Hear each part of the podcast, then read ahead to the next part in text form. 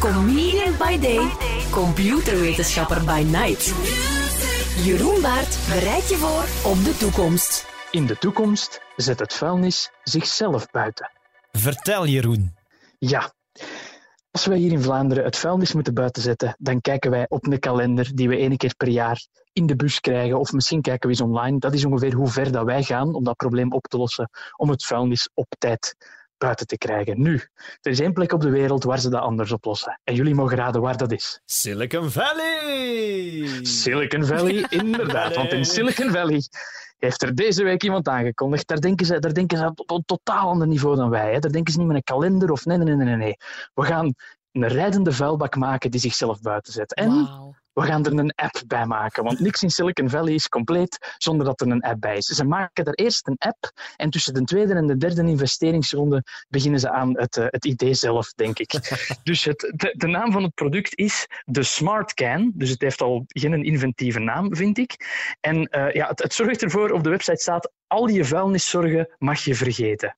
Dus dat klinkt echt al fantastisch. Mhm. Het is een soort van, ja, zoals je hier eigenlijk een container hebt, zo'n zo'n PVC-container dat je buiten rolt, bijvoorbeeld voor het groente, fruit en tuinafval. Dat, maar dan met robotwieltjes onder. Dus op vaste tijdstippen rijdt hij zichzelf naar de stoep. Nu, klinkt perfect, maar er zijn verschillende problemen mee.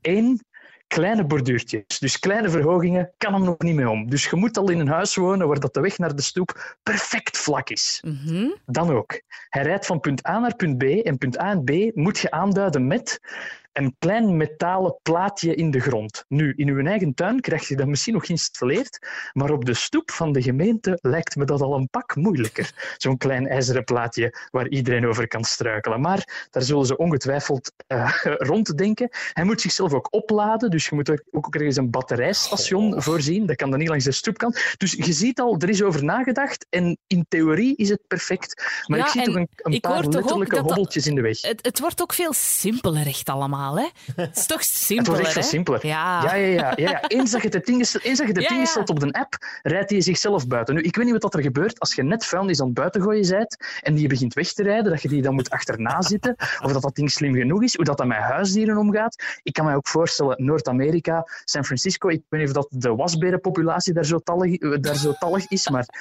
ik bedoel, dit is een taxi voor wasberen. Hè? Een Uber voor wasberen.